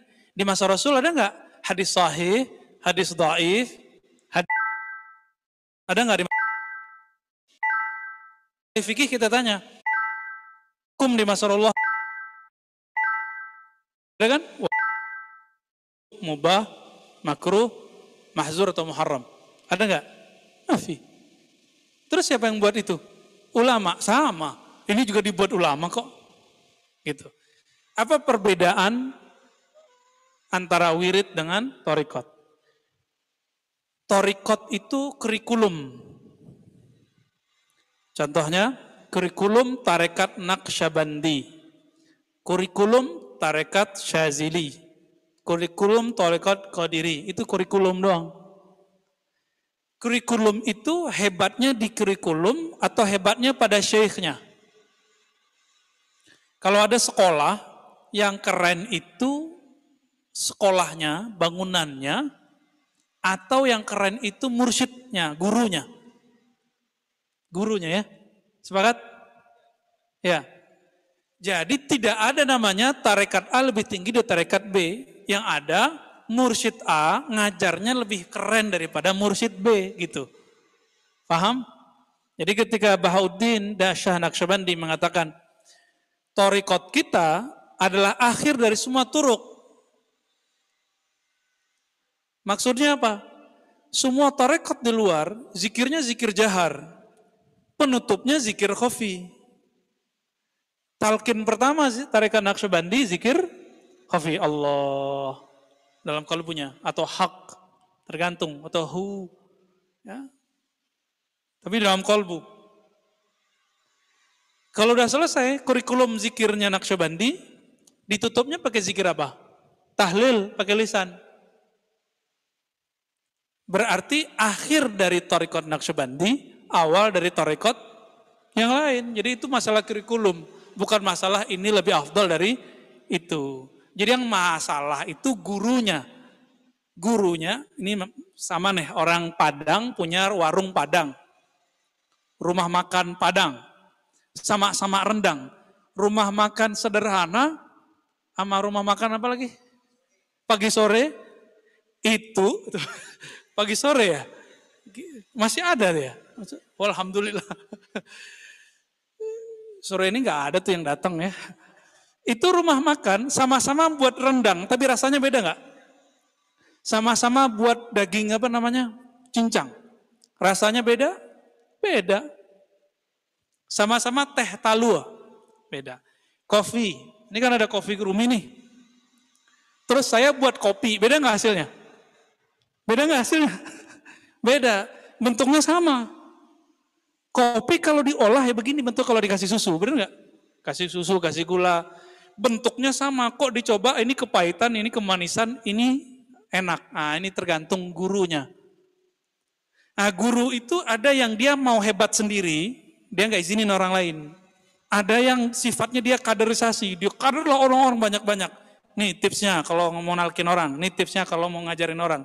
Maka banyaklah asistennya. Ah namanya franchise. ya banyaklah cabang-cabang itu ya.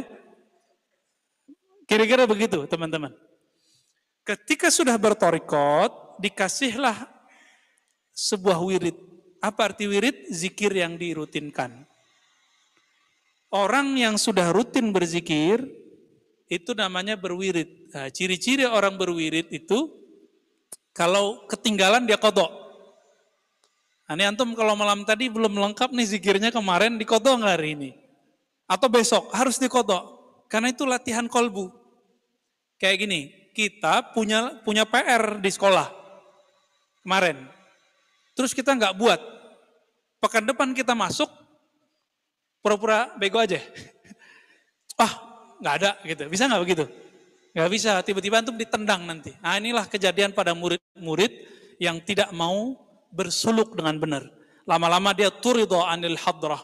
Ya, dia dilempar dari hadrah ahli zikir. Sama nih, suka bolos di kampus. Tahu-tahu udah lewat semester. Nggak usah lewat semester deh. Kalau udah nggak hadir empat kali gimana? Nggak boleh ikut ujian. Eh, kira-kira begitu. Masa wirid akal bernama kuliah, baca buku, diskusi, itu demikian ketatnya. Ketika bertorekot antum nggak ketat. Kampus itu yang bagus bangunannya atau dosennya? dosennya. Kiainya kampus UIN sekarang siapa? Pak Azumedi Azra gitu ya. Pak Fulan, Pak Fulan. Tergantung ilmunya ilmu apa. Sama, suatu tempat itu mesti ada pilar-pilar itu. Pilar ahli zikir, pilar taklim. Syukur-syukur bisa dua-duanya. Ya, syukur-syukur. Ya.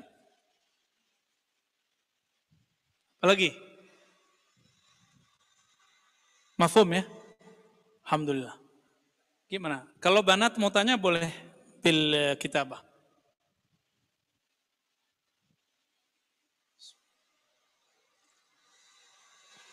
Ya. Ya, fadal.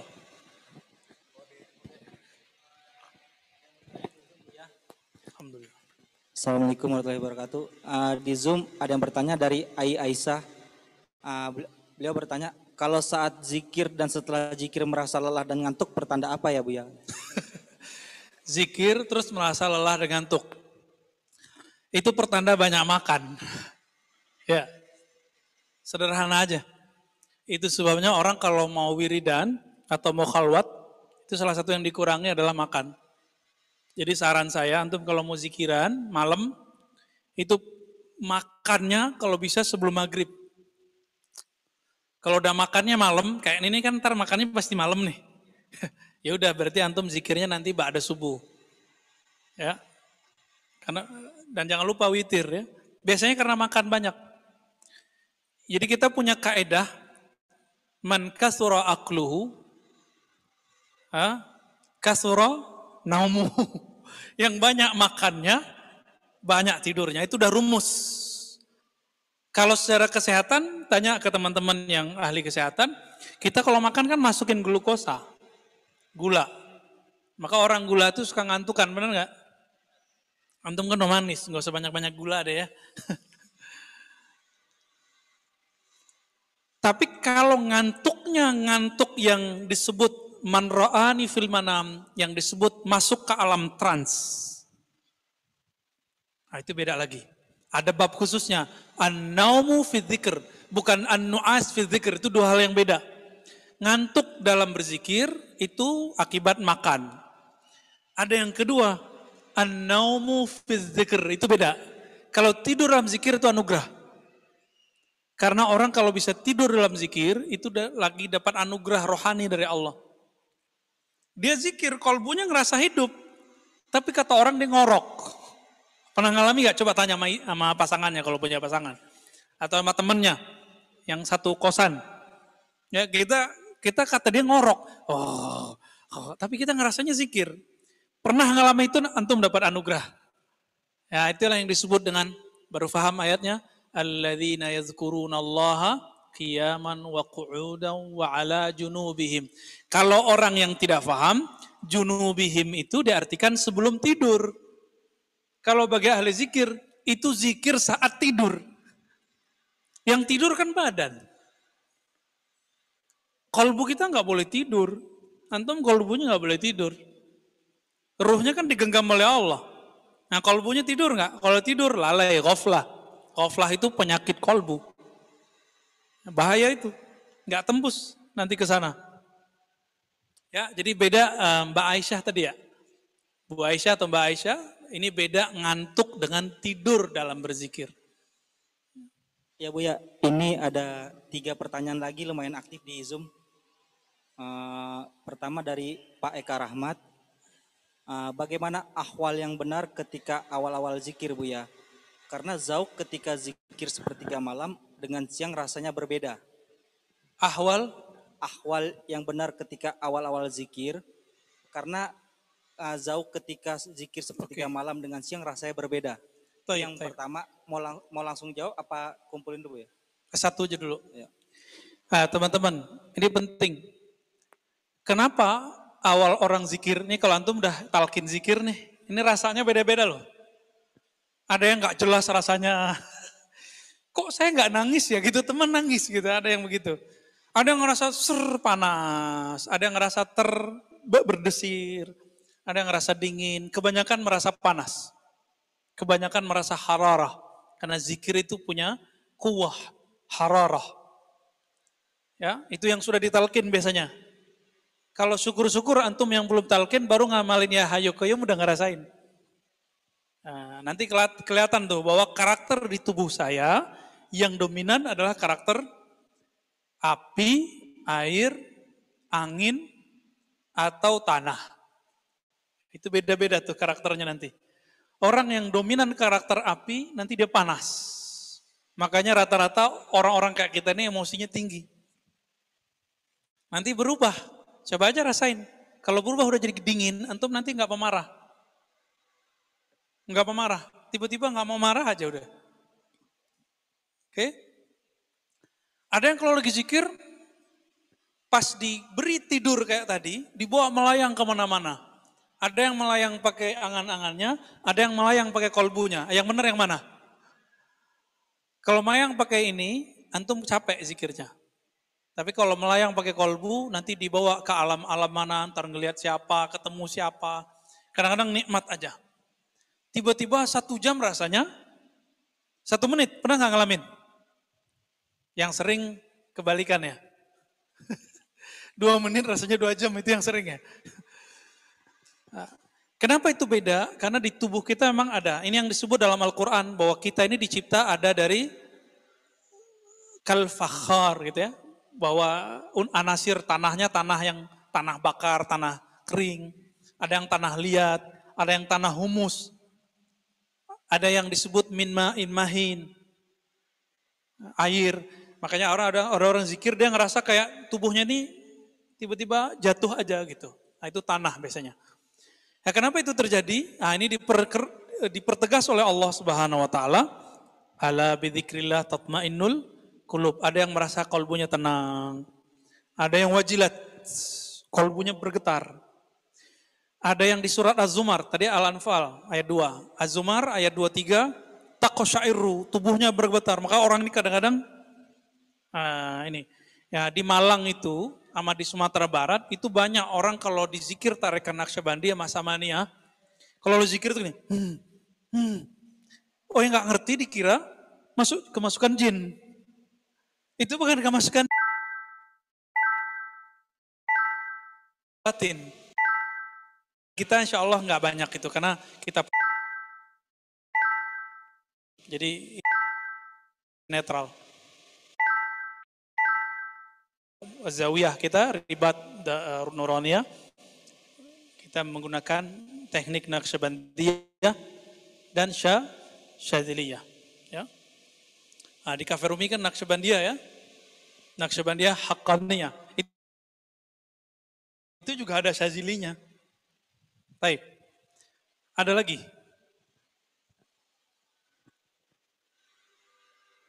Uh, ada Bu ya, dari ada sekitar satu, dua, tiga, ada empat pertanyaan Bu ya. Ya. Satu-satu ya. Ya, diringkas saja. Oke. Oh, yang Suaranya kurang jelas ya.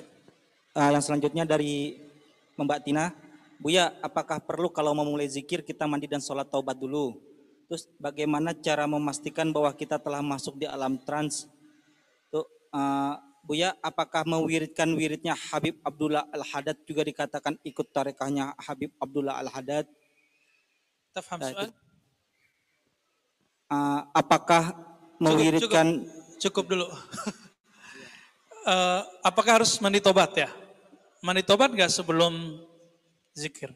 Mandi tobat itu ada mandi secara zahir, kita mandi beneran. Itu kalau mau masuk khalwat. Antum punya khalwat di rumah, punya ruang khusus zikir, bagusnya mandi dulu. Ini cuma istilah ahli zikir. Ya. Di ahli fikih nggak ketemu mandi tobat ya, ketemu nggak? Yang ada cuma mandi masuk Islam. Nah, maka kita kiaslah dari mandi masuk Islam itu dengan mandi masuk ke alam torkoh ke ranah torikoh, alam zikir. Mandi di situ jangan diperdebatkan mana dalilnya ini segala macam. Itu manfaatnya ya. Orang kalau lagi galau itu obatnya suruh mandi. Coba orang-orang yang kesurupan-kesurupan tuh mandiin aja guyur. Kalau belum nyatu dengan darahnya, jin-jinnya itu kabur itu bisa sadar itu insya Allah. Itu biasanya ya, biasanya. Jadi apakah perlu mandi tobat? Idealnya kalau sanggup lakukan itu. Tapi kalau tidak cukup zikir taubat yaitu astagfirullah wa atubu ilai. Nah, kita tobatkan masing-masing anggota tubuh. Nah, itulah mandi tobat hakiki. Baik. Yang kedua tadi apa? Apa tadi Bu ya? Musa? Bertorikot. Ya, kalau sudah baca rotibul hadat, apakah masuk bertorikot gitu ya? Oke, ada satu kaedah yang ditulis oleh Habib Zain bin Smith, masih hidup ya di Madinah, uh, Hafizahullah. Apa kata beliau? Tarekat Alawiyah yang kita juga pakai zikirnya pada maghrib dan pada isya, Rotibul Hadan dan Rotibul Atas, itu zahirnya Alawi, batinnya Syazili. Kata Imam Abdul Hasan Syazili, nah ini ada dalam kitab Lataiful Minan, apa kata beliau? Siapa yang baca hizibku, wiridku, maka baginya apa yang kami dapat, maka dia juga masuk dengan apa yang kami dapatkan gitu. Maksudnya dia termasuk kepada torikoh tersebut. Cuma belum ditalkin dan dibayat zikir. Itu aja bedanya. Longgar, gampang keluar lagi. Masuk, keluar lagi, masuk, keluar lagi. Jadi kalau sudah ngamalin rotibul haddad, minimal sudah disebut bertoriko ba'alawiyah. Torikonya Sa'adah ba'alawi. Baik. Apalagi tadi? Uh, terus Buya izin bertanya, bagaimana metode terbaik untuk menyelesaikan terlalu banyaknya uzur kodo yang sudah dilakukan? Dan bagaimana caranya kembali ke hadirat suyuh kita apabila kita keluar dari hadiratnya? Nggak jelas suaranya.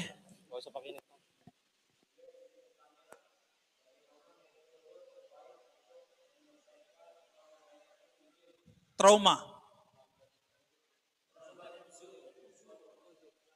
Oh orang uzur.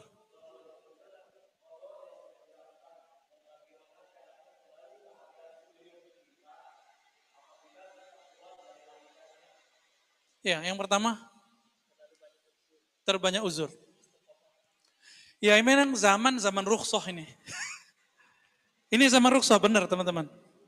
Guru-guru yang hidup di zaman ini harus mengerti masalah itu. Makanya kita diribat nggak maksa-maksain orang kan ya nggak bisa ya sudah. Nggak bisa 200, abis ada sholat ya 40. Nggak bisa ya 7 gitu. ya kan? Kita kasih rukhsah. Nggak bisa ya sekali gitu. Penting mau. Belum mau, ya sudah mau ngaji aja dulu. Cukup. Tapi kalau mau bertoriko, ayo kita beramal secara disiplin. Jadi bayat itu teman-teman sama dengan kontrak belajar. Itu yang disebut bayat. Nah di ribat kita tidak kita nggak buat bayat, kita cuma buat talkin. Karena talkin itu inti dari bayat. Jadi antum nggak perlu sumpah-sumpah setia sama kita. Nanti sumpah setianya Imam Mahdi aja. Ya, sama saya nggak pantas.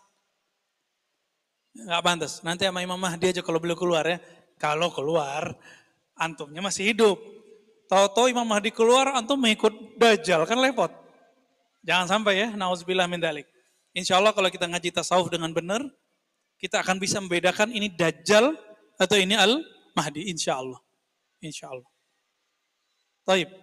Yang kedua tadi apa tentang cara mengkodok? Kodok zikir atau kodok amalan sunat. Kok kodoknya seingatnya aja?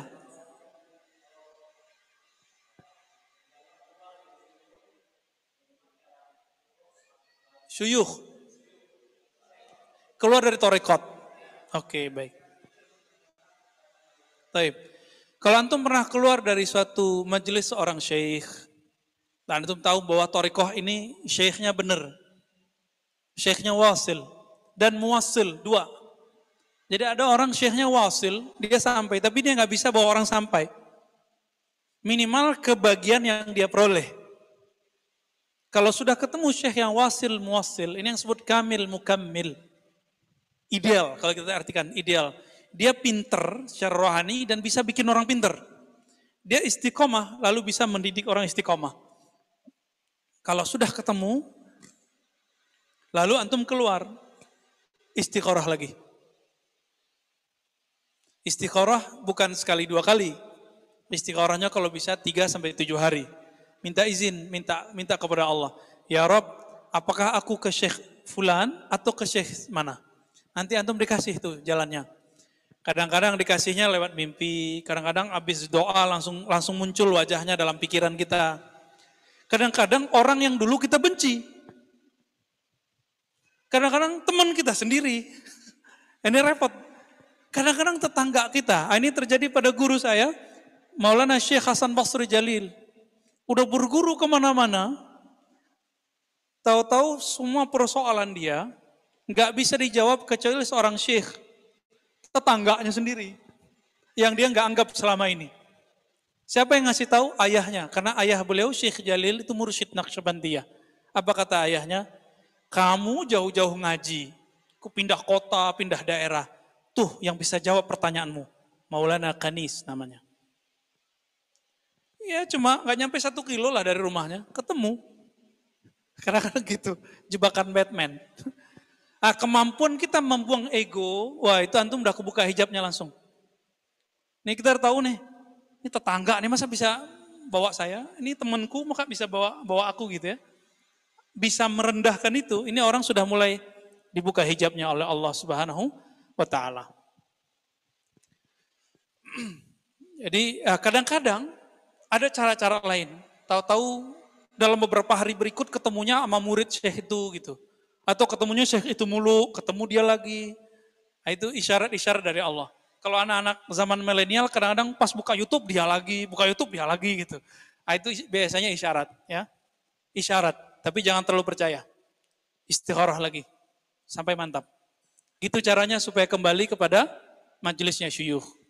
Ya, masih? Apa udah cukup? Uh, ada dua lagi pertanyaan Bu ya. Uh, bagaimana cara memastikan bahwa kita telah masuk di alam trans sama apakah kita boleh boleh berhalwat dalam keadaan haid? Masuk alam trans. Oh ya bagaimana? Tandanya kita udah masuk alam Ya, trans. masuk alam trans itu nggak bisa dibuat-buat. Di situlah nyata makna hadis. Allah lah yang muqallibul kulub. Apa kata Nabi? Wa muqallibil kulub. Demi yang bolak-balik hati. Nyata di situ.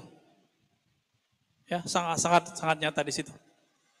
Jadi ketika antum masuk ke alam trans, alam antara sadar tidak sadar, nah, cara kembalinya nanti Allah sendiri yang kembalikan. Ya, biasanya dengan zikir, zikir-zikir yang kita sudah ada. Itu sebabnya orang ini harus punya wirid, punya zikir. Nanti zikir itu yang akan tarik dia kembali. Seperti disebutkan di Muqaddimah, orang ini tidak akan kembali kecuali dengan zikrullah. Nah ini yang disebut dalam perkataan Imam Ad-Daqqa, Az-zikru silahul muridin. Zikir itu senjata orang berim, uh, murid, salik, ketika terjadi apa-apa dia bisa kembali dengan itu. Ya, yang terakhir tadi apa? Udah. Berkhalwat. Oh iya, boleh. Berkhalwat boleh dalam keadaan apa saja, tapi tergantung nanti izin gurunya. Ini dalilnya adalah istri-istri Nabi beritikaf dalam keadaan haid, tapi mereka me, apa, naruh tempat sesuatu. Karena dulu belum ada yang disebut mania an sukuti ma'il haid atau uh, damil haid. Belum ada yang namanya pembalut ya. Nah, dulu mereka pakai tempat di masjid. Jadi boleh. Karena berkhalwat itu untuk kerjaan kolbu, jadi boleh. Baik. Kira-kira itu teman-teman, kita rehat dulu. Uh, insya Allah setelah ini uh, kita kajian khutmul aulia. Setelah berzikir, uh, nanti kita lihat keadaannya zikir rotibul haddad atau gimana ya. Supaya tempat ini kita ikut juga partisipasi dalam meneranginya. Bagusnya baca rotibul haddad ya. Walaupun di sini sudah ada khataman, kita juga baca ini untuk tambah berkah. Insya Allah nanti silakan di, dibuka filenya tentang Rotibul Haddad. Dan nanti ada Buya Asfi yang nyamar di belakang. Insya Allah kita akan kajian sampai uh, Isya atau lebih sedikit ya. Wassalamualaikum Muhammad subhanakallahumma wa bihamdika. Asyhadu an la ilaha illa anta astaghfiruka wa atubu ilaik. Assalamualaikum warahmatullahi wabarakatuh.